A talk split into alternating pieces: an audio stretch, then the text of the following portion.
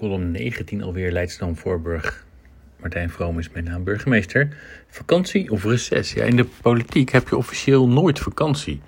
Of beter, nooit officieel vakantie. Ja, natuurlijk hebben mensen in de politiek wel af en toe vrij. Dat is net zoals bij mensen met een gewone baan. Maar politici hebben geen arbeidscontract, maar een aanstelling. Raadsleden, wethouders, kamerleden, ministers, burgemeesters ook. De vergoeding het salaris staat in de wet, maar daar staat niks over vrije dagen. Het land, ja, dat moet altijd bestuurd worden, de gemeente altijd vertegenwoordigd.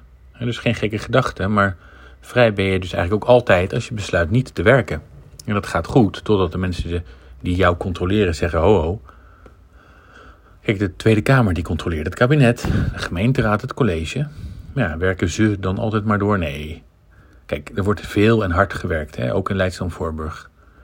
Maar er is wel reces. Dat zijn de weken dat er niet wordt vergaderd. En dat geeft dus dan de ruimte om er niet te hoeven zijn. Dus dan kan er een vakantie gepland worden of even vrijgenomen. Of ja, uh, anderen die een deel van die tijd vrijhouden, ja, extra bezoeken afleggen, stukken bijlezen, maar ook even uitrusten.